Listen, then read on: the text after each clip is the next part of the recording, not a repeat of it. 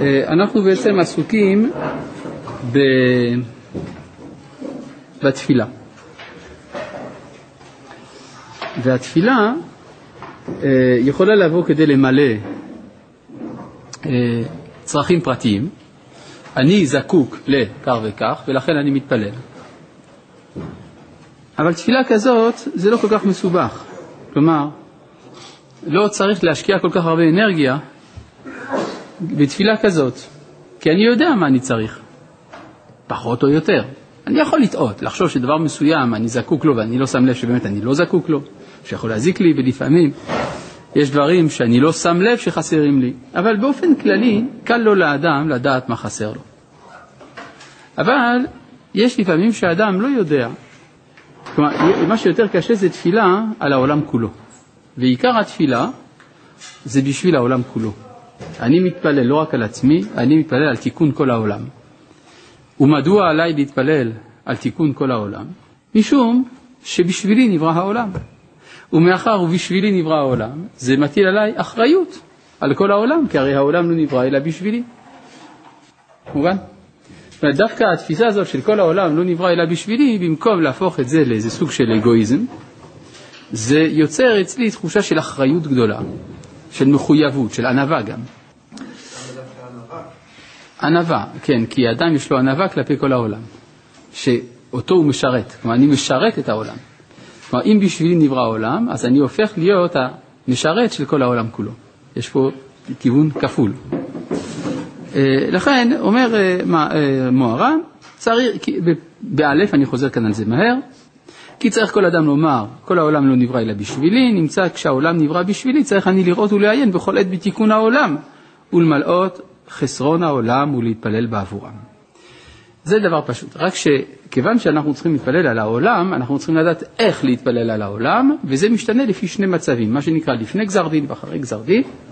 שלפני גזר דין התפילה פשוטה, כלומר אנחנו מתפללים כנוסח התפילה, וכאשר העולם כבר אחרי גזר דין, כלומר שמידת הדין מתוחה עליו, תפילה רגילה לא מספיקה, צריך להלביש את התפילות, זאת אומרת, אה, להלביש את התפילה באופן שיובלט הממד הזכאי של העולם ולא הממד החייב, כך שבסופו של דבר גם החייב יהפוך להיות זכאי. אז מה שאומר כאן, בעניין התפילה, הן בשני פנים.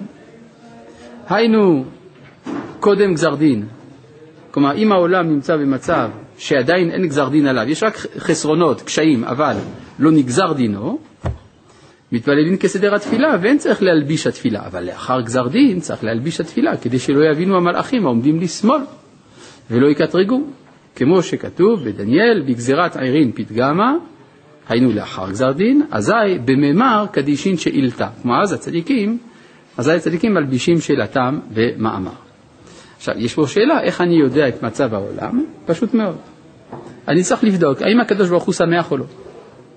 אם הקדוש ברוך הוא שמח, אז זה סימן שהעולם לפני גזר דין, יש תקווה. אם הקדוש ברוך הוא לא שמח, כמו שכתוב ויתעצב על ליבו, אני יודע שזה אחרי גזר דין. ואז התפילה הרבה יותר קשה, היא צריכה הלבשה וכדומה. אבל איך אני יודע אם הקדוש ברוך הוא שמח או לא? זה על ידי קיום המצוות. אני מקיים מצוות, המצוות זה גילוי רצונו. הוא רצונו, רצונו הוא. כשאני מקיים את המצוות, אני יכול להרגיש איפה הקדוש ברוך הוא עומד. האם יש שמחה לפניו, או חלילה עצב לפניו. זה אני יכול להרגיש על ידי קיום המצוות. אה, כל מי שיקיים מצוות כבר ידע? לא. כי צריך לקיים את המצוות באמת.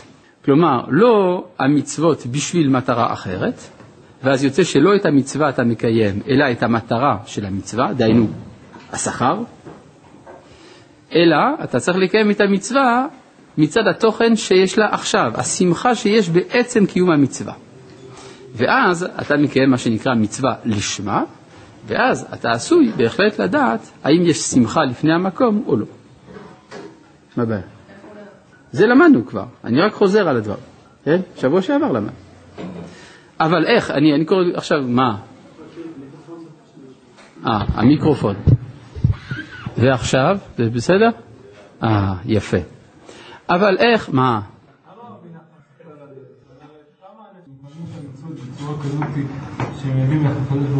אתה שואל למה רב נחמן יספר לנו את זה? הרי יש מעט מאוד אנשים שמגיעים למדרגה הזאת. תשובה, כדי שיגיעו למדרגה הזאת. כלומר, מרוב שאומרים, מדרגה הזאת היא לא בשבילנו, זה הדרך היותר בטוחה לא להגיע אליה. ברור? צריך שיגיעו למדרגות. נו, אז בסדר, אז צריך להכשיר אנשים להגיע למדרגות אלה. מה? בסדר. לא, פשוט אני מנסה להתקדם, נו. אז לכן אני עושה פרצופים ככה קצת, מה? כן. כן. נכון. זה מצוין. מה זה ספרן של רשעים? זה הספר שעושה מהרשעים צדיקים. ברור, מה, אתה רוצה להשאיר את הרשעים רשעים? נו.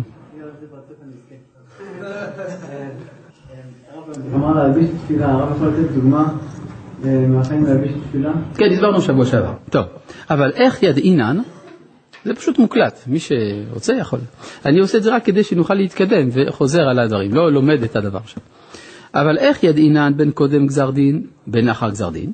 הנה הוא אומר, מה שאני אמרתי, על ידי המצוות שאנו עושים.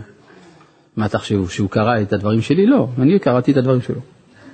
טוב, על ידי המצוות שאנו עושים, יכולים אנחנו לידע בין קודם גזר דין לאחר גזר דין. ודווקא כשעושים המצוות בשמחה גדולה כל כך, עד שאין רוצה בשום שכר עולם הבא. אלא הוא רוצה שיזמין לו הקדוש ברוך הוא מצווה אחרת בשכר מצווה זאת. כמאמר חז"ל, שכר מצווה מצווה. כלומר, מהו השכר של המצווה? המצווה שתקבל. זה לא בדיוק הפשט שרגילים להסביר. רגילים להסביר שהשכר של המצווה זה המצווה עצמה. כאן הוא קצת משנה את זה, נותן משמעות קרובה יותר לרעיון של שכר, שהשכר שתקבל בעבור המצווה זה המצווה הבאה. זה כמו שכתוב שמצווה גוררת מצווה. כי הוא נהנה מהמצווה בעצמה. מה? מה יותר נעלה? אני לא יודע. עכשיו, כי הוא נע... אני חושב שזה אולי מתאחד שני המושגים. כי הוא נהנה מהמצווה בעצמה. וזה החילוק שבין נבואת משה רבנו לבין נבואת שאר הנביאים. כלומר, נבואת משה היא בחינה של עשיית המצווה מצד עצמה, ונבואת שאר הנביאים זה בחינה של עשיית המצווה לשם שכר. כלומר, זה שייך לקטגוריה הזאת. כפירוש רש"י, וידבר משה לראשי המטות לבני ישראל לאמור, זה הדבר אשר ציווה השם, פירש רש"י, כל הנביאים נתנבאו בכה אמר השם, נוסף עליהם משה שהתנבא בזה הדבר. כי בחינת כה הוא אספקלריה שאינה מהירה, כלומר כשאני אומר כה זה בערך, אז זה לא מהיר, זה משהו מטושטש. וזה הדבר הוא בחינת אספקלריה מהירה. ואלו שתי הבחינות נביאות יש בעבודת הבורא. יש אדם העושה מצווה בשכר עולם, עולם הבא שאינו נהנה מהמצווה בעצמה, אילו לא היו נותנים לו עולם הבא בשכרה, לא היה עושה אותה. וזה בחינת כה, אספקלריה שאינה מהירה. כלומר זה אדם שאומר, כדאי לקיים מצוות, כי אני שמעתי שעל המצוות מקבלים שכר. יוצא שהמצווה מצד עצמה איננה מחיה אותו, אלא השכר מחיה אותו. כמו שיש אנשים שבמקום לעבוד את הקדוש ברוך הוא, עובדים את הגיהינם, זה האלוה שלהם, ויש אנשים שעובדים את הגן עדן, גם זה האלוה שלהם. ויש מי שעובד את השם, כן? זה ההבדל בין בחינת כה לבחינת זה הדבר. כמו אדם שרואה איזה דבר מרחוק. כן, הוא עושה המצווה בשביל שכרה הבא לעת רחוק, היינו אחר העולם הזה. ושילום שכר נקרא בשם נביא. כן, כלומר, זה שאדם עובד בשביל השכר, זה בבחינת שאר הנביאים, לא מדרגת משה. כי ראשי תיבות של יבוא ברינה נושא אלומותיו, ושם בפסוק הזה נרמז על שילום שכר, הלוך ילך ובכו נושא משך הזרה, שמצטער בעשייתה. בו יבוא ברינה נושא אלומותיו, שישמח להטיל כשיקבל שכר המצוות, ראשי תיבות של יבוא ברינה נושא אלומותיו, ראשי תיבות נביא. אבל נביא שמתנבא בזה הדבר, מי זה? משה, שאינו רוצה בשכר המצוות, אלא רוצה במצווה עצמה, שהוא משמח כל כך בעשייתה, עד שממאס בכל מין שכר, נמצא שעולם הבא שלו במצווה עצמה, בעצמה, וזה בחינת נביא היינו שילום שכר, בבחינת זה הדבר, בבחינת אספקלריה המהירה, כמו אדם הרואה דבר מקרוב, בראייה יפה וברא, כמו כן הוא נהנה מהמצווה בעצמה ושכרו נגד עיניו. כלומר, משה, בעצם כשהוא מקיים מצווה, הוא מקבל את השכר מיד, בשעה שהוא עושה את המצווה. ומישהו במדרגה הזאת, שעושה המצווה בשמחה גדולה כל כך עד שאין רוצה בשום שכר עולם הבא בשבילה, הוא יכול לידע בין קודם גזר דין לאחר גזר דין. למה? איך הוא יכול לדעת אם הקדוש ברוך הוא מביא לפניו גזר דין או לא? כי המצווה, המצוות הן קומה שלמה והם מחיים את כל הקומות. הן קומת אדם, הן קומת עולם, הן קומת שנה. כי עולם שנה נפש הם מקבלים אחריות מהמצוות. כלומר, מה הוא רוצה לומר? העולם מה יש בעולם? יש שלושה, שלושה סוגים של דברים. יש דברים שתלויים באדם, נפש, יש דברים שתלויים בזמן, דברים שתלויים במקום. זה נקרא בספרות הקדמונית עולם שנה נפש. עולם זה המרחב, המקום, שנה זה הזמן, נפש זה הנפש. אז הוא אומר, כל דבר שיש בעולם, עולם שנה נפש, שזה כל מעשי השם, זה מתחיל מהמצוות. מה זאת אומרת המצוות? רצון השם. כי הרי אותו אלוה שרצה בעולם הוא אותו אלוה שרוצה את תרי"ג המצוות. יוצא לפי זה שכאשר אני מקיים את תרי"ג המצוות, אני יודע את רצונו של מי שברא את העולם. ולכן אני גם יודע מה הוא חושב על העולם באותה שעה, אם הוא שמח או עצוב, אז אני יודע אם גזר דין או לא. כן, כמו שכתוב, מה? עולם שנה נפש. נפש זה הנפש. כן, נפש האדם, ההכרה של האדם. אז הם מקבלים אחריות מהמצוות, אמרתי כן, עולם זה, מק, זה מקום, שנה זה זמן, נפש זה נפש, זה מה שאמרתי. הם מקבלים אחריות מהמצוות, כמו שכתוב, וכל מעשהו באמונה, וכתיב כל מצוותיך אמונה. כלומר, אמונה זה כינוי למצוות. והקדוש ברוך הוא, הוא אחדות פשוט עם המצוות. כלומר, הקדוש ברוך הוא, הוא מתאחד עם המצוות שהוא בעצמו מצווה.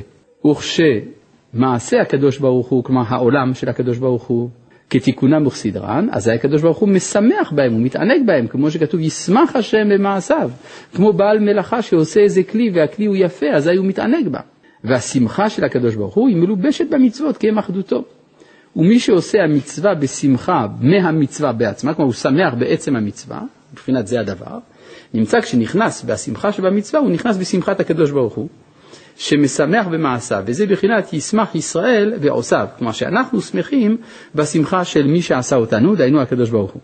נמצא כשיש איזה צער ודין בעולם, שנה, נפש, אזי בוודאי נגרע משמחת הקדוש ברוך הוא, כמו שכתוב, ויתעצב אל ליבו, במבול.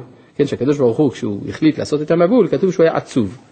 וכמו שכתוב, כשאדם מצטער, שכינה, מה אומרת? כללני מראשי, כללני מזרועי.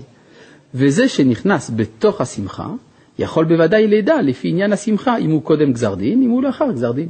כן, כלומר זה האופן, כלומר אתה רוצה לדעת מה הקדוש ברוך הוא חושב על העולם, מקיים מצוות בשמחה עצומה כל כך שאתה שמח בעצם המצווה, ואז תדע איך להתפלל. כן, מה אתה רוצה? אבל גם ברמה של צדיקים שמגיעים לרמה הזאת, הרי זה אינדיבידואלי בכל אופן. מה אתה מתכוון? ואותה הרגשה שמביאה לעשות את אותה מצווה. לא, זה לא אינדיבידואלי בכלל, כי הרי הוא שמח במצווה מצד שהיא מצווה. לכן הוא מתאחד עם שמחת הבורא, לא עם השמחה של עצמו. יש אדם שהוא שמח במצווה הוא אוכל מצות, הוא כל כך אוהב את הטעם של המצות, זה טעים לו כל כך. בסדר, אז יש אדם שלא כל כך טעים לו המצות, אז, אז השמחה של זה איננה כשמחה של זה. אבל פה אנחנו מדברים על אדם שהשמחה שלו היא בעצם זה שזה מצווה. ואז הוא שמח בשמחה אובייקטיבית, שמחת השם. האריזה הגיע למדרגה הזאת, לא? האריזה הגיעה למדרגה הזאת, אתה שואל. לא יודע, אין לי אה, רבנומטר שבודק בדיוק איפה כל צדיק וצדיק. יש להניח שכן, אדם בשיעור קומה של האריזה, בוודאי. כן, כן.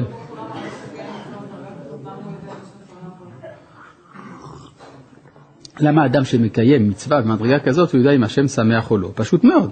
כיוון שהשם מאוחד עם המצוות, והוא שמח, וכיוון שהשם מאוחד עם המצוות, כשאני מקיים את המצוות בשמחה מצד רצון השם, אז אני יודע מה רצון השם. לא, אני יודע, כי הרי המקור של העולם הוא המקור של המצוות. זאת אומרת, הרי מי שברא את העולם ברצונו, הוא גם זה שנתן את המצוות ברצונו. כך שבשורש זה אותו רצון. מה? פשוט מאוד. מי רצה לברוא את העולם? הקדוש ברוך הוא. מי נתן את המצוות? הקדוש ברוך הוא. יוצא שהרצון שלו לברוא את העולם זהה עם הרצון שלו לתת מצוות, אוקיי? אז השאלה אם אני רוצה להגיע לידיעה הזאת, אז מה אני, מה אני עושה? אני שמח במה שהשם שמח. הוא שמח בזה שהוא נתן מצוות. אז אני, על ידי שמחתי במצוות שלו, מצד שזה מצוותיו ולא מצד התועלת שצומחת לי מזה, בין בעולם הזה בין בעולם הבא, אז על ידי כך אני חש אותו כביכול. כן? כמו שלהבדיל בין בני אדם, יש פעמים שאנשים כל כך קרובים זה לזה שמרגישים את הרגשות אחד של השני. כן. את שואלת, האם זה אותו דבר לנשים ולגברים מה שהוא כותב כאן? מדוע שיהיה הבדל? אה, לא, לא, לא, לא, זה לא קשור לעניין. את אומרת, אני חוזר על שאלתך, את אומרת כי אם זה היה נוגע גם לנשים, אז נשים היו רוצות להתפלל במניין ולהניח תפילין. זה לא נכון. כמו שיש מצוות לנשים שהן לא לגברים, אדם שמח במצוות שהוא מחויב בהן. אז האישה שמחה במצוות שהיא מחויבת בהן, הכהן במצוות שהוא מחויב, והלוי, והמלך, והדיין, כל אחד ואחד יש לו, והחקלאי, כל אחד המצוות שלו. כן, אין לי השתוקקות לקיים את המצוות שאני לא מחויב בהן. או? כן. אה, אז לפי מה שהרב אומר בעצם, יכול להיות, אם אני צדיק אה, חבל הזמן, שאני אעשה איזה מצווה ואני מתבאס, כי אני מרגיש שהקדוש ברוך הוא... אה, כן, נכון, נכון, כן. חש מה הקדוש ברוך הוא חש? איך האדם חש את מה שהקדוש ברוך הוא כביכול חש? פשוט מאוד, על ידי שאדם מקיים מצוות, לשם, אה, אה, לשם עצם קיום המצווה, עד כדי כך שאינו חפץ בשום שכר אחר מאשר שתזדמן לו מצווה אחרת. כן. אז זה מה שאתה, כי אתה שאלת את אותה שאלה. אבל איך הוא חש. איך הוא? על ידי התחושה. איך חשים? על ידי תחושה. איך אוכלים? על ידי הפה. האם האדם פתאום מרגיש שיחה פנימית, או פתאום עצב פנימי, או מה, אני לא יכול לתאר את זה. אני לא יודע. לא יודע. כן. אפשר להיות עצוב שעושים מצווה, אפשר להרגיש עצבות. לפי זה האדם יכול לחוש את העצבות שיש בעולם, אם יש גזר דין או אין גזר דין, כן? אבל הוא שמח שהוא הגיע למדרגה שהוא יכול לחוש את זה, כן? שזה לא בלוף, כן. אה? מה? קלני. אה, כאילו הקדוש ברוך הוא, לא, קל מלשון קלות. אז אתה שואל ואתה מציע תשובות, לא נותן לי לענות. קל אני, קל אני זה מלשון אני קל. כלומר, אני רוצה להקל מעליי את ראשי, כי ראשי כבד. כן, כמו אדם שהוא עצוב, אז הוא מוריד את הראש. ככה. כן. אם המצב האידיאלי שנעשה את המצווה לא בשביל למען, אה, יפה. למה אם האידאל הוא קיום המצווה לא מצד בקשת השכר, או כמו שאמר אנטיגלושי סוחו אל תהיו כעבדים המשמשים את הרב מנת לקבל פרס, אלא כעבדים המשמשים את הרב שלא מנת לקבל פרס, אז למה התורה סיפרה על פרס? כן? למה למען יאריכון ימיך ועוד דברים כאלה? כן? למה? זה מקלקל לנו, נכון? עד כאן שאלתך. מה אתה רוצה? אה? מה? אתה מנסה לתת תשובה. כן, אבל הוא שאל אותי. כן. אמ, אז אה, יש כמה תשובות. אתה יכול להגיד בצורה פשוטה, כמו שהבחור היקר הזה מציע. כן, זה בשביל העמך. כן? זה כדי שיהיה מדרגה ראשונה, הרי אי אפשר לבקש מכל אדם להגיע מיד להכרה הזאת, לכן הוא עושה את זה בשביל השכר, ואחר כך הוא ישתחרר מזה. אבל אז יוצא שהתורה נכתבה עבור הבינוניים, וזה הקושי שיש בדבר הזה. התשובה היא אחרת לגמרי. צריך אה, לקבל את השכר, כי רצון השם שתקבל אותו. כלומר, למען יאריכון ימיך זה לא בונוס שאתה מקבל על זה שקיבלת את ההורים, אלא למען יאריכון ימיך זה מה שהקדוש ברוך הוא רוצה. הוא רוצה, כן, הוא רוצה שתכבד את אביך ואת אמך כדי שיאריכון ימיך, הוא רוצה. כמעשה המסופר, המפורסם ברב זושה והאישה שבאה להתפלל. מכיר את הסיפור? רב זושה, שמעת רב זושה? כן. אז אישה אחת באה אליו ואמרה לו, רבי, אני רוצה שתתפלל, שיהיה לי בן. אז הוא התפלל, ותוך כדי תפילה הוא שמע שהקדוש ברוך הוא אומר לו, זושה אל תתפלל, כי אני לא רוצה שיהיה לה בן. מה עושה רב זושה? ממשיך להתפלל. אומר לו הקדוש ברוך הוא, אם תמשיך להתפלל, יהיה לה בן, אבל לך לא יהיה עולם הבא. אומר רב זושה, בסדר, מצוין, עוד יותר טוב, אני אוכל סוף סוף לעבוד את השם, שלא על מנת לקבל שכר. אז הוא ממשיך להתפלל, ואז הוא שומע קול מהשמיים שאומר לו, זושה, תיזהר, אם תמשיך להתפלל, יהיה לה בן, אבל את העולם הבא שלך תקבל בכל זאת. כלומר, מה המכוון בסיפור הזה? זה סיפור חשוב ביותר. שרב זושה הבין באיזשהו שלב שהמוכנות שלו לוותר על העולם הבא היא גם חטא. כלומר, אמנם צריך לעבור דרך שלב כזה שבו האדם מוכן לוותר על האינטרס האישי שלו לקבל את העולם הבא, כי זה אינטרסנטי וגס. אבל אחרי שהאדם ישתחרר מהתלות בעולם הבא, הוא צריך לקבל את העולם הבא, כי זה רצון השם שהוא יקבל. כי אני חושב שהוא המשיך להתפלל. כלומר, רב זושה היה צריך להבין שהוא צריך לקבל את העולם הבא, זה לא יפה, הקדוש ברוך הוא נותן לך, זה לא מנומס לו לקבל. איפה הנימוס? אז תקבל עולם הבא. כן. הסיפור ש- שהקדוש ברוך הוא אומר לו שלא יקבל בעולם הבא, אז הוא אומר, "זה- זה- זה טוב שככה יכול לעבוד השם ולא יקבל שכר. כן. ואיך הוא עובד השם זה לא רצון השם. לא, זה, זה דיאלקטיקה שמתעלה בקרבו, כן? זאת אומרת, הרעיון ודאי שהוא רעיון אחד, אבל צר, צר, אנחנו מפרקים את זה לגורמים בסיפור, כן.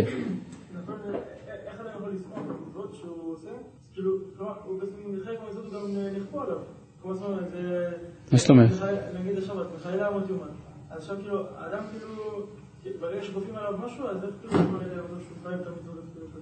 איך אדם יכול להגיע למצב כזה שלמרות שיש כפייה במצוות, עונשים על המצוות, הוא בכל זאת יעשה אותן מאהבה? כי הוא עושה את זה לא בגלל העונש. כלומר, כן, הוא, הוא יודע שהוא יכול לחלל את השבת והסנהדרין לא ימצאו אותו ואף אחד לא יסקול אותו ולא יקרה כלום. ואף על פי כן הוא שומר שבת. למה? כי הוא אוהב. כן? הלאה. אז... וזה שנכנס בתוך השמחה יכול ודאי ידע לפי עניין השמחה, אם הוא קודם גזר דין, אם הוא לאחר גזר דין, גם יכול לידע, כאן יש תוספת רעיון, על איזה חלק מהקומה נגזר הדין, כי יודע לפי קומת המצוות, אם אין יכול לעשות, למשל, בשמחה ראשי המצוות, היינו מצוות התלויים בראש, ידע שהדין נגזר על ראשי עולם שנה נפש, וכן הוא בשאר קומת המצוות, וזהו מה שאמרו חז"ל, בשבת זוכרהו מאחד בשבת. כלומר, את השבת צריך לזכור כבר בתחילת השבוע. מה פירוש? היינו, שמחה ותענוג עולם הבא שהוא בחינת שבת, ירגיש בששת ימי המעשה שהם בחינת מעשה המצוות, שהם נבראו, שבהם נבראו עולם שנה ונפש. נפש. זאת אומרת שאני מקיים מצוות, המצוות נקראות ששת ימי המעשה. שבת זה עולם הבא. אז צריך לזכור, להרגיש את התענוג של העולם הבא כבר במצווה עצמה. וזהו ביומו תיתן שכרו, שיהיה שכרו מהמצוות בעצמן. כלומר, ביומו, ביום שהוא עושה את המצווה הוא כבר מקבל את השכר. ולא תבוא עליו השמש, שלא יעשה המצוות בשכר עולם הבא, שהוא אחר ביד שמשו, כלומר אחר מותו. עד כאן ראינו מה שהיה פעם שעברה. ועיקר השמחה, עכשיו אנחנו מגיעים, איך מגיעים לשמחה? צריך שמחה, לא? שמחה בלב. ראשי מצוות, כלומר יש מצוות שתלויות בראש, יש מצוות שתלויות בידיים, יש מצוות שהם ענפים, יש כאלה שהם שורשים, זה הכוונה, ראשי מצוות, מצוות השורשיות. כן.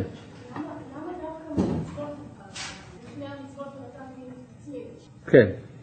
כן, את שואלת למה צריך דווקא דרך המצוות? הרי לפני המצוות הוא גם נתן לך את עצמך, זה נכון.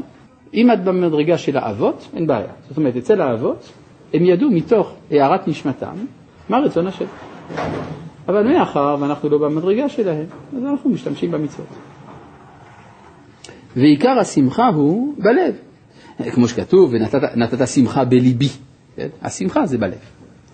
ואי אפשר ללב לשמוח, אלא עד שיסיר הקמימיות שבליבו, שיהיה לו ישרות לב, ואז יזכה לשמחה, כמו שכתוב, ולישרי לב שמחה. כלומר, כל זמן שיש באדם משהו עקום בלב שלו, הוא לא יכול להיות שמח באמת. כי למשל יש יצר הרע, אז יצר הרע, אז יש לאדם, הוא יתגבר על יצר הרע, אבל אז הוא לא שלם עם עצמו, כי הוא בעצם היה צריך להכניע חלק של נפשו. אז בעצם ה... אין שמחה, כל זמן שאדם איננו מיושר, זאת אומרת שאין אצלו מאבק. איך האדם מבטל את המאבקים הנפשיים שבליבו? אז הוא אומר בשביל זה יש פטנט לא רע, והקמימיות שבלב מפשיטין, על, כלומר, כלומר עושים את זה לישר, על ידי רעמים. כמו שאמרו חז"ל, לא נבראו רעמים, אלא לפשט הקמימיות שבלב, כן? לאדם יש כל מיני חשבונות, זה פתאום, זה עושה איזה רעש. אז יש גם הרעמים כפשוטו, כן? שזה בהחלט יוצר באדם איזושהי חרדה שמיישרת אותו, עושה אותו, אה, מכניסה אותו לפרופורציות, הוא רואה איפה עולם הערכים האמיתי, אבל יש גם רעמים יותר עמוקים. בואו נראה מהם הרעמים. ורעמים הוא בחינת קול שהאדם מוציא בכוח בתפילתו, ומזה נעשים רעמים. מה שאדם מתפלל בחוזקה. על ידי שאדם מתפלל בחוזקה, הוא מפשט את העקמומיות שבליבו, ואז מתוך כך הוא יכול גם להגיע לשמחה אחר כך. מה? בחוזקה, בעוצמה. יש תפילה בעוצמה. יש תפילה שזה... יש תפילה בעוצמה. בעוצמה. תראו, תראו, יש, למשל היה יהודי אחד, הרב יעקב משה חרל"פ, זכר צדיק לברכה. הרב קוק מאוד אהב אותו. מה, היה, מה הייתה הפגישה הראשונה? הרב קוק יצא מירושלים ליפו, לא, בעצם הוא היה ביפו. והרב חרל"פ משום מה עשה את חג השבועות, נדמה לי. חג השבועות, הוא היה בירושלים, הרב חרל"פ, משום מה עשה ביפו, לא זוכר למה. הוא התפלל אצל הרב קוק. הרב קוק לא הכיר אותו. אבל הרב קוק ראה איך שהאיש מתפלל, ואז נקשרו, נקשרה אהבתו בו. כלומר, אמר, אדם כזה אני חייב להיות בקשר איתו, ואז הרב חרל"פ הפך להיות תלמידו של הרב קוק. דווקא הרב קוק הוא זה שבחר אותו. בדיוק סיפור הפוך מאיך שהרב הנזיר בחר את הרב קוק, שהוא גם כן התרשם מהתפילה שלו. זאת אומרת, יש אה, דברים כאלה, מה שנקרא תפילה בעוצמה. כן? אה, הרב צבי יהודה קוק זצ"ל, כשהוא עשה מסע באירופה כדי לקדם את העניינים של ארגון דגל, דגל ירושלים של הרב קוק, הוא היה מגיע לכל מיני מקומות, וגם לווינה הוא הגיע.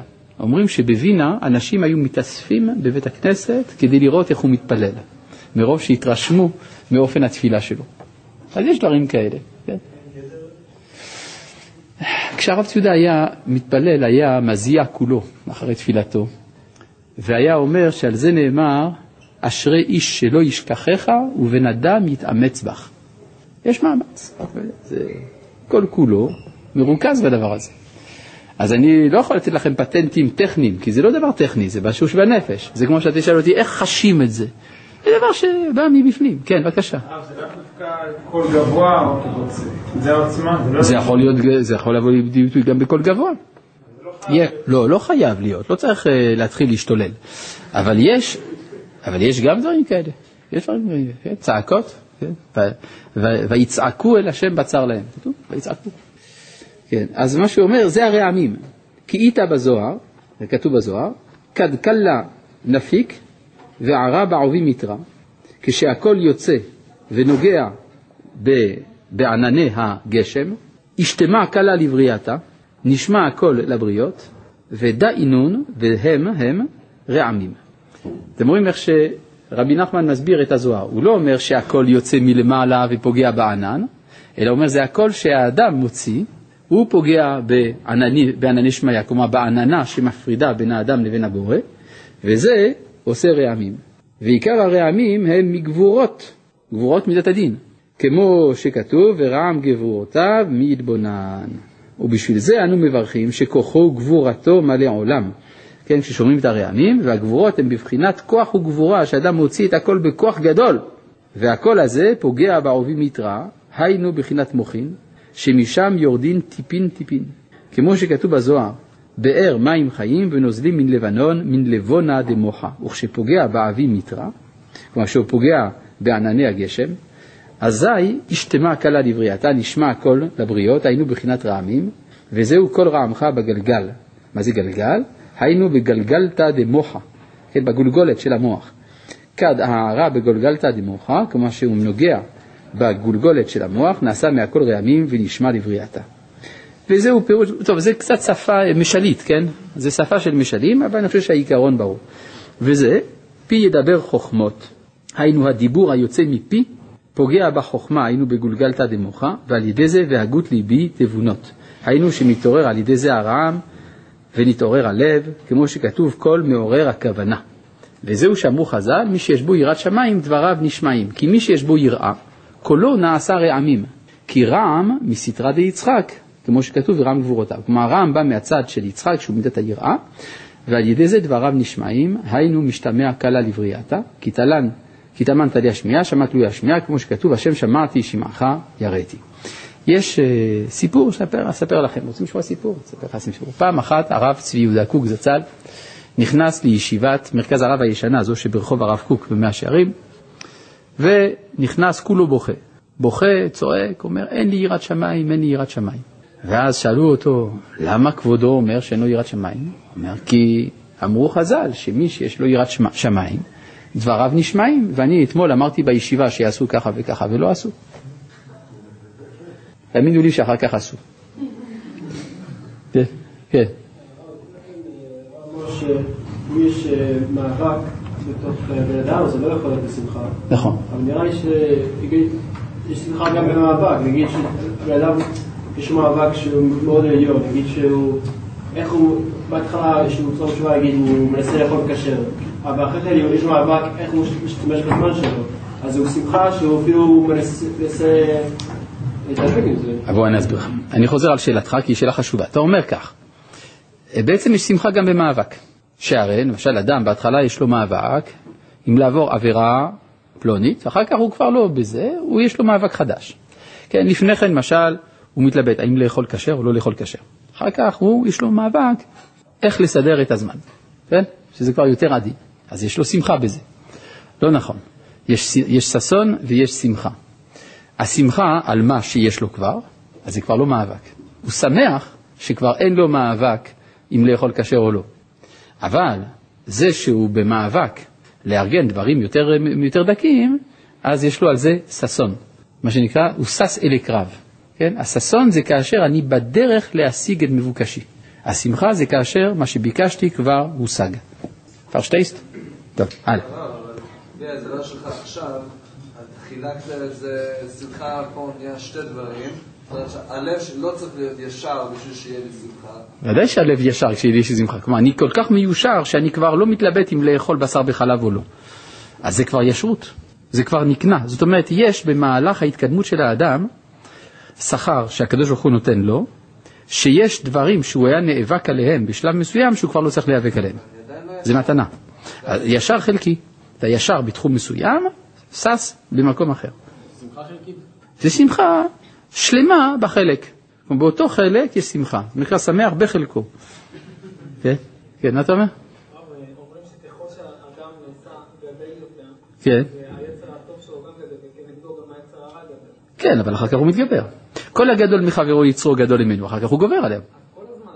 לא, לא כל הזמן. כי אחר כך יש סוגיות שהוא כבר סוגר. כלומר, הס- יצרו ההתחלתי גדול ממנו, ואחר כך הוא גובר.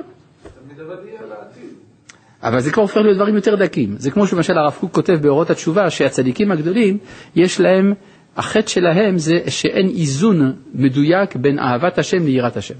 זה, זה החטא. כן? אז זה כבר, אה, כל הדברים האחרים כבר, זה, הוא כבר לא מתלבט בזה. כן, בעצם הדרך המתוקנת לומר זה ששון ושמחה. נכון. ששון קודם לשמחה, נכון. טוב. מש... אה, הרב, הרב הנזיר היה קושר את זה למשיח בן יוסף, משיח בן דוד. שמשיח בן יוסף עושה מלחמות. אז זה לא שמחה שלמה, זה ששון. משיח בן דוד, שמחה שלמה. וזה פירוש, אני ממשיך כאן ב... אז זה לא מוזכר פה. אז אה, כיוון שזה לא מוזכר, אנחנו לא נתייחס. מה? אה? מה שקראתי מהזוהר לפרש, איפה מהזוהר? למטה, אם גולגלת דמוחה? כן, הכוונה שבאופן כללי, כן, להיכנס לפרטי הפרטים, שהרעם גורם לאדם להזיל עליו גשם של חוכמה. כן, כלומר, חוכמה זה דבר סתום. אבל אם, ואדם הוא טיפש בהתחלה, אבל על ידי העוצמה של התפילה, הוא פותח לעצמו נתיבים, ואז הקול שלו פוגע בענני הגשם, זאת אומרת, הוא פותח את שערי החוכמה, ואז יש עליו גשם של חוכמה, מלא התיישרות הלב. כי תמן טלי השמיעה, כי שם, כן, זה דבריו נשמעים, כי השמיעה קשורה ליראה, שנאמר, השם שמעתי שמעך יראתי. כלומר, מי שיש לו יראת שמיים, דבריו נשמעים. בסדר. וזהו פירוש, גיבורי כוח עושה דברו, לשמוע בכל דברו. כן, הגבורה מביאה לשמוע. איתה בזוהר, זכיין למשמע קלין מלעילה. על ידי זה הוא זוכה לשמוע קולות מלמעלה, היינו על ידי הגבורות נעשה רעמים, ועל ידי זה הלב שומע, והיינו והגות ליבי תבונות, וכמו שכתוב, ונתת לעבדך לב שומע. וגם דבריו נשמעים לבריאתה, ואז מילא דבריו נשמעים לאחרים, וזה לשמוע בכל דברו, וזה בחינת קול השופר. דע, שופר של איל, אלו של יצחק, בחינת ברם גבורות. הרי יצחק זה בחינת היראה, מידת הדין, גבורה, ויש יחס, אם כן, בין השופר, שהוא מקורו, במקורו בא מזכותו של יצחק אבינו, ואז יש קשר, אה, ואז יש קשר לרעם, וזהו אשרי העם יודעי תרועה, יודעי דייקה, שיפגע הכל במוח בבחינת עבה מתרע, ויהיה בחינת רעמים. ומי ששומע תקיעת שופר מאיש ירא וחרד, בוודאי לא ידאג כל השנה מרעמים. מה זה, מאיזה רעמים הוא לא ידאג? מהרעמים שברקיע? הכוונה שהוא לא ידאג מזעזועים בנפש. כי תקיעת השופר של אותו אדם ירא וחרד תקנה את נפשו. כמו שכתוב, בקולות וברקים עליהם נגלית, ובקול שופר עליהם הופעת. זה בתפילה של ראש השנה, שבקול השופר הופיע עליהם מקולות וברקים. טוב, אז זה נקודה ראשונה. אם כן, יש לנו פה פטנט פשוט, להגיע לשמחה, לשמחה של אותן מצוות, כדי לדעת אם יש גזר דין או אין גזר דין בעולם, כדי לדעת איך להלביש את התפילה, אנחנו צריכים אה, לעשות רעמים. מה זה הרעמים? להתפלל בעוצמה. אולי גם אפילו בקול, כן? רק לא להשתגע בבקשה. אבל, יש פה בעיה, יש עיכובים לדבר הזה. כן? יש משהו שעומד נגד התפילה. מה זה? אבל צריך לפנות את המוחין מחוכמות חיצוניות וממחשבות זרות. הרי המוח הוא מלא בשטויות. גם מחשבות זרות, גם חוכמות חיצוניות. כל זה מעכב, מחמץ, שלא יחמיץ את חוכמתו בחוכמות חיצוניות ובתאוות. כלומר, יש שני גורמים שיכולים להפיל את כל חוכמתו של האדם. האחד, התאוות. תאוות שפלות, יצרה דאריות, וכדומה מהדברים האלה. ויש גם דברים אינטלקטואליים יותר, חוכמות החיצוניות, הפילוסופיה, שגם היא יכולה להפיל את האדם לבטל יראת שמיים שלו. כדי, אז צריך לבטל את החמץ הזה. למה? כדי, כשיוציא את הכל ויפגע במוחו, יתעביד ממנו רעם. אבל כשגלגלת דמוחה, כשהגולגולת של המוח אטום בטומאה, כמו שכתוב, ונטמאתם בם, וחז"ל אמרו אל תקרא ונטמאתם אלא ונטמתם, שעבירה מטמטמת ליבו של אדם, אז אין קולו נשמע. אז זה דבר ראשון, צריך קודם כל לסלק כל השטויות שהאדם אוסף בתוך מוחו, שזה או מתאוות או מחוכמות חיצוניות. מה? איך מבטלים את זה? אה, טוב, זה בשביל זה צריך, אה, צריך עבודה גדולה. עבודה גדולה של התגברות היראת שמיים, זה יכול להיות בכמה אופנים. זה יכול להיות כמו שנהגו החסידים, על ידי דבקות ברבה. וזה יכול להיות, כמו שעושים במכון מאיר, על ידי לימוד אמונה. כן? מכון מאיר, מכון אורז, מקומות שבהם אנחנו לומדים את יסודות האמונה בצורה מעמיקה, ואז ממילא זה מתבטלין כל החוכמות החיצוניות שבעולם. כן. הרמב"ם ועוד איך שנשמע קולו, הוא ביטל את כל החוכמות החיצוניות. ודאי שלקח מהם, והוא ביטל כל השטויות. מה שאמת, אמת. הרי, איך אמרו? שמע האמת ממי שאמרו. למה שהרמב"ם לא ייקח מאריסטו איפה שאריסטו צודק? ולמה שהוא לא יחלוק על אריסטו איפה שאריסטו טועה? מצוין. הרבי נחמן בעצמו אומר בתורה ס"ד שהצדיק צריך ללמוד את כל החוכמות, כולל החוכמות החיצוניות ואפילו דברי אפיקורסות. ברור? ואי אפשר לשבת בסנהדרין אם אתה לא יודע הבלי עבודה זרה. כך כותב, כך נפסק להלכה על ידי הרמב"ם. כלומר, אדם צריך לדעת כל השטויות שבעולם, אם הוא רוצה להיות חכם אמיתי. אלא אנחנו מדברים ממה הוא חי, מה מחיה אותו. האם מה שמחיה את החיים הפנימיים שלו זה החוכמות החיצוניות, או מה שמה שמחיה אותו זה תורת השם? זאת השאלה. איפה הוא נטוע, איפה נופו ואיפה שורשיו. בסדר? איפה אדם נטוע? האם הוא יודע שמשה אמת ותורתו אמת, או שהוא לא יודע את זה? זאת, זאת השאלה. כן. לפי רבי נחמן רק הצדיק צריך לעשות בחוכמת החיצוניות ואחרים אסור להם. אה, כי זה, כי הם לא מסוגלים להתמודד. זה שואב אותם, על זה נאמר כל בעיה לא ישובון. ככה אומר רב נחמן. הרב קוק, לעומת זה, הוא אומר שכולם צריכים ללמוד. למה? כי הוא חי בדור שכבר ממילא כבר נמצא שם. אז לכן זה סימן, לפי הרב, שהדור הגיע, למד... מבחינת נשמתו הכללית, הגיע למדרגת הצדיק של רב נחמן. כן? כלומר, אנחנו בדור שהוא הצדיק. לכן אי אפשר לקחת הדרכות חינוכיות של רב נחמן הטובות לדורו וללמוד מזה על הדור שלנו, כי צריך להבין מה השתנה בעולם. בסדר? כן. למרות שאומרים שרב נחמן כתב את כל הספר שלו לתקופת הימים שלנו, ימי המשיח. ודאי, ודאי. מה שכתב רב נחמן, הוא כתב את זה לאחרית הימים, ודאי. רק אני מדבר עכשיו על ההדרכות המעשיות, איך אתה עושה את זה. כל הרעיונות האלה הם רעיונות נפלאים, לכן אנחנו גם לומדים את זה, וזה עוזר לנו. רק אנחנו צריכים להבין באיזה אופן הם מתממשים. כן? אני יודע שמה שאני אומר, הרבה ברסלברס לא יאהבו את זה, אבל זאת האמת, מה נעשה? תורה יותר חשובה. כן? עכשיו, אה, אבל מה שהוא אומר כאן זה נכון, צריך לבטל את החוכמות החיצוניות, יש הרבה שטויות שם. זה לא שלא צריך ללמוד חוכמות חיצוניות, צריך לדעת שזה שטויות. כן. אה, כן. יש למשל, אה, בגמרא יש מילה במסכת שבת דף קט"ז, כתוב אהו פילספה דאבה בשיבותי דרבן גמליאל. הפילוסוף שהיה אצל, בשכנותו של רבן גמליאל. ושם הגמרא מספרת איך שעשו צחוק ממנו. ורש"י כותב, מה זה פילה שפה? כותב מין. מה זה מין? כופר, אפיקורוס. כלומר זה ביטוי של גנאי, נכון? במסכת עבודה זרה, לעומת זה בדף כ, רש"י כותב על המילה פילוסופין, חכמי האומות. אז תחליט, או שזה חכם או שזה מין. הרי יש הלכה שעל חכמי האומות יש ברכה, מברכים. אני רואה חכם מאומות העולם, צריך לברך. אם זה מין, אין לי מה לברך. אז למה רש"י נתן פירוש כזה פה ופירוש כזה שם? פשוט מאוד, צריך להבין על מי מדובר. הפילוסוף, קודם כל הגדרה של הפילוסוף. הפילוסוף הוא מי שמחפש תשובות לשאלות הגדולות של הקיום בתוך עצמו. השאלה אם זה בסדר או זה לא בסדר. לכאורה, אם יש לאדם שאלות, למי הוא צריך לפנות? לקדוש ברוך הוא. מי שברא את העולם, הוא יענה לך על שאלות שיש לך על העולם. אז למה אתה לא פונה? למה אתה לא פונה לקדוש ברוך הוא לקבל תשובות? כי הוא לא מדבר, כן? כלומר, הפילוסוף הוא אפשרי רק אחרי הנבואה. יוצא לפי זה שהפילוסוף הוא בהגדרה מי שכופר במסורת ההתגלות של האומה שלו. אז במסכת שבת, שמדובר בפילוסוף יהודי, אז במה הוא כופר? בתורת משה. אז הוא, אז הוא מין, הוא אפיקורוס. אבל במסכת עבודה זרה מדובר שם בגויים. הפילוסוף הגוי, במה הוא כופר? במיתולוגיה, אז הוא חכם, ברור. כלומר, כשאומרים חוכמות חיצוניות צריך להבין על מה מדובר.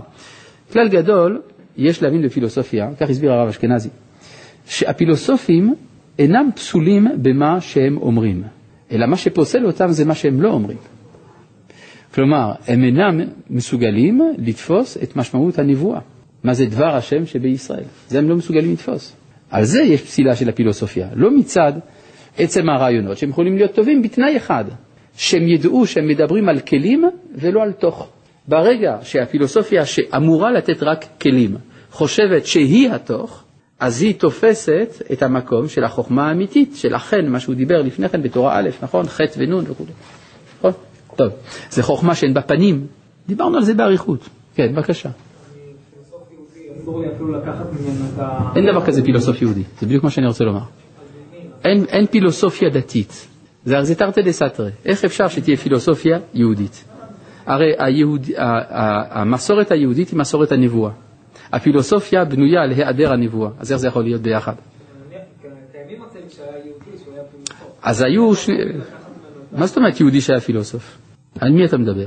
או שהוא היה ב... לא באמת יהודי, או שהוא לא היה באמת פילוסוף.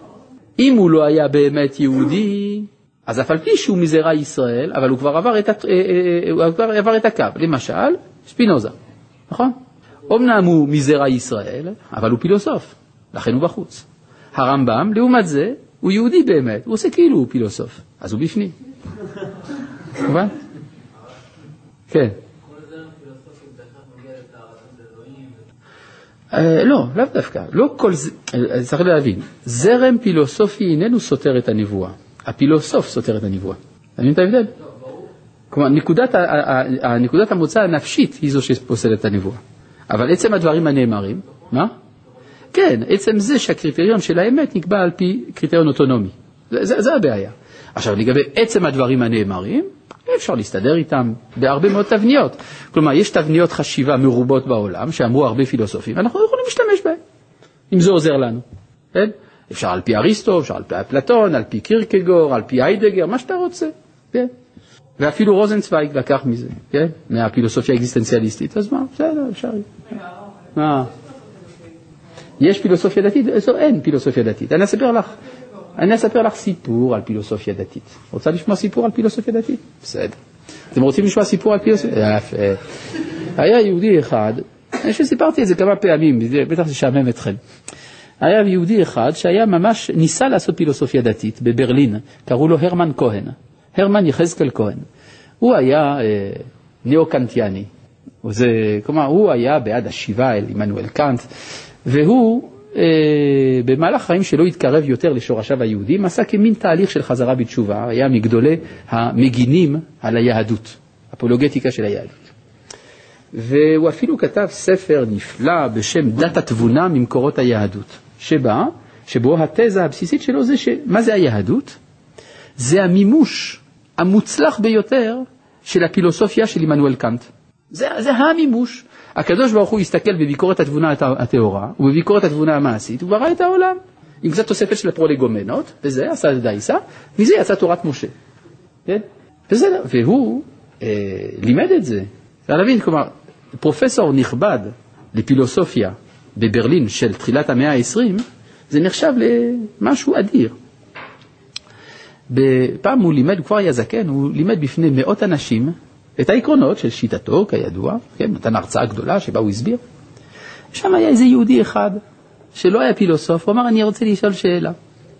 רשע, הר פרופסור מרשה לו, אה, בוודאי, אתה יכול לשאול. אני לא יודע איך אומרים את זה בגחמנית, אבל יש משהו, טוב.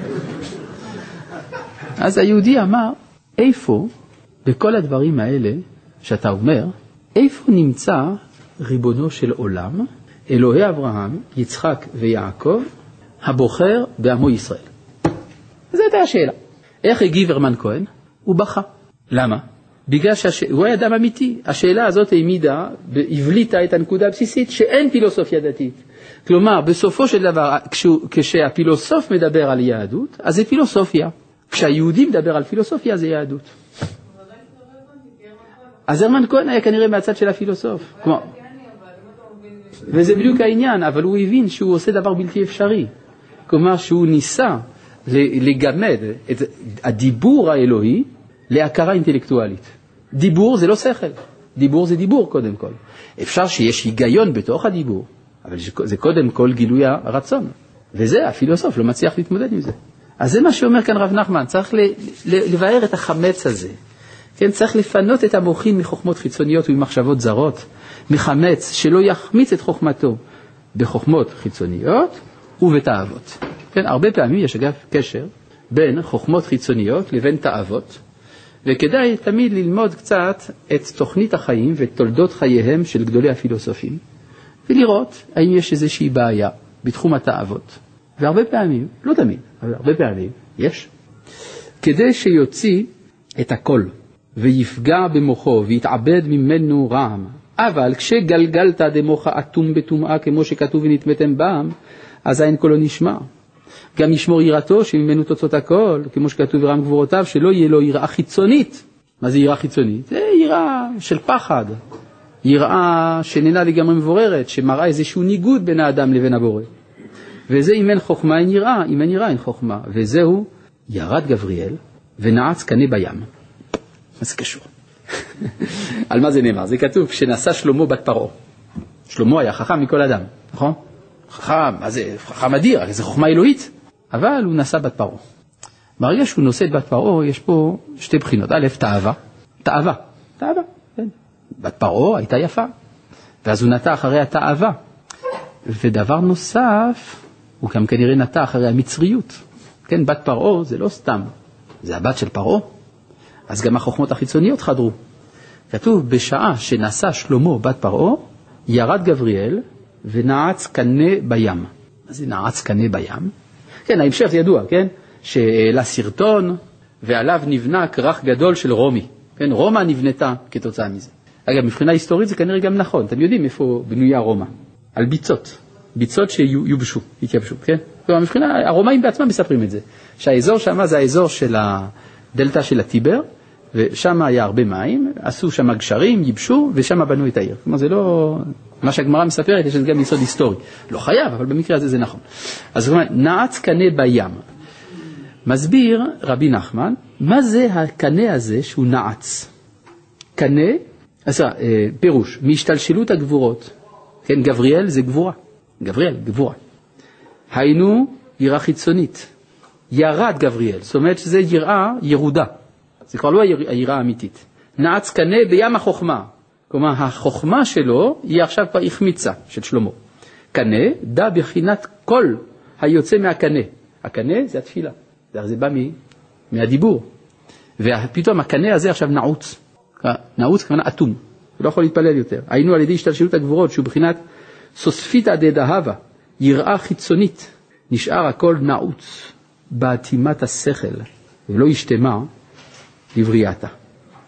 כלומר, יש שאדם נמצא במצב שהקנה שלו נעוץ בים. כן, בבקשה. שלשלת וזהב, כן. וזה אומר חוכמה חיצונית? כן. למה, מה הקשר בין... כן. זה שלשלת, כלומר זה דבר שקושר את האדם. דהבה זה מידת הדין. זהב זה מידת הדין, כן, כן, זה הב. כן, את זה תן. זה הב. זה מידת הדין שאדם רוצה לקבל. כן, לעומת הכוסף של הכסף, אדם נחשף שהוא נותן. יש סגולות חיוביות לזהב, כן, לא נגד זהב, אבל אני רק אומר שיש גם בחינה, בהקשר הזה, כן. צריך להבין, כל מילה שאנחנו משתמשים בה בדרשנות, הרבה פעמים יש לה משמעות הפוכה בהקשר אחר. כן? למשל מים, אין מים אלא תורה. מצד שני, אין מים אלא גויים. כן? שנאמר מקולות מים רבים. מה? ש... אז לכן אני אומר שיש לך הרבה פעמים אותה מילה, לפי ההקשר שבו היא נאמרת, יש לה משמעות אחרת. ועיקר לשמור מוחו שלא יחמיץ, איך עושים את זה? וזהו גער חיית קנה. זה פסוק כזה בתהילים ס"ח, נכון? גער חיית קנה. כדאית בזוהר, קנה חיית תשבר ותעשה ממנה ה, ותעשה מאותיות חמץ מצה. כן, הרי החמץ זה מה שמחמיץ, זה החוכמות החיצוניות והתאוות, צריך לשבר את זה. גער חיית קנה, להפוך את החטא לה. חיית מלשון חטא, האות חטא.